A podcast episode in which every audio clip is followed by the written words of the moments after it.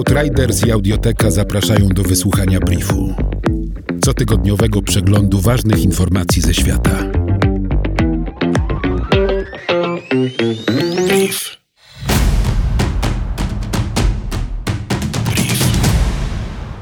Australia zawiesiła współpracę wojskową z Birmą w związku z zamachem stanu, do którego doszło 1 lutego 2021 roku.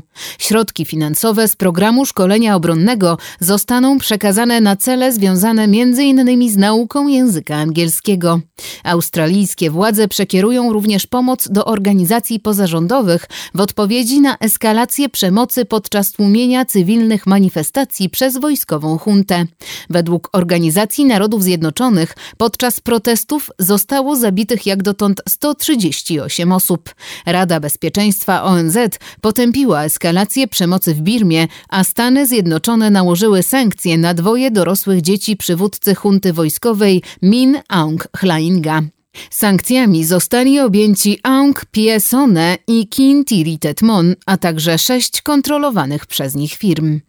Zdaniem prezydenta Hassana Rohaniego Iran jest gotowy do realizacji celów zawartych w porozumieniu nuklearnym ze Stanami Zjednoczonymi, z Rosją, Wielką Brytanią, Francją, Chinami, Niemcami oraz Unią Europejską z 2015 roku pod warunkiem, że USA zniosą sankcje gospodarcze nałożone na jego państwo.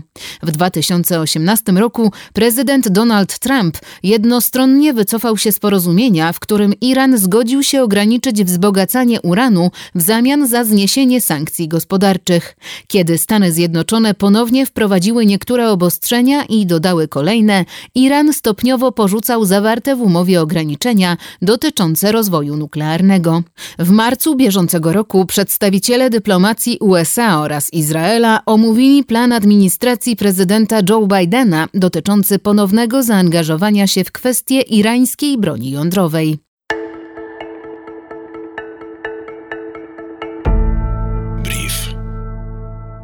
Organizacja Tax Justice Network opublikowała ranking najbardziej przyjaznych firmom rajów podatkowych, w którym pierwsze miejsce z maksymalnym wynikiem 100 punktów zajęły Wyspy Dziewicze, a na drugim i trzecim znalazły się Kajmany i Bermudy. Brytyjskie terytoria zamorskie wyprzedziły Szwajcarię, Holandię i Luksemburg, a Zjednoczone Emiraty Arabskie zostały uznane za nowy raj podatkowy dla międzynarodowych korporacji działających w Afryce i na Bliskim Wschodzie. Trafiło tam ponad 218 miliardów dolarów z inwestycji zagranicznych.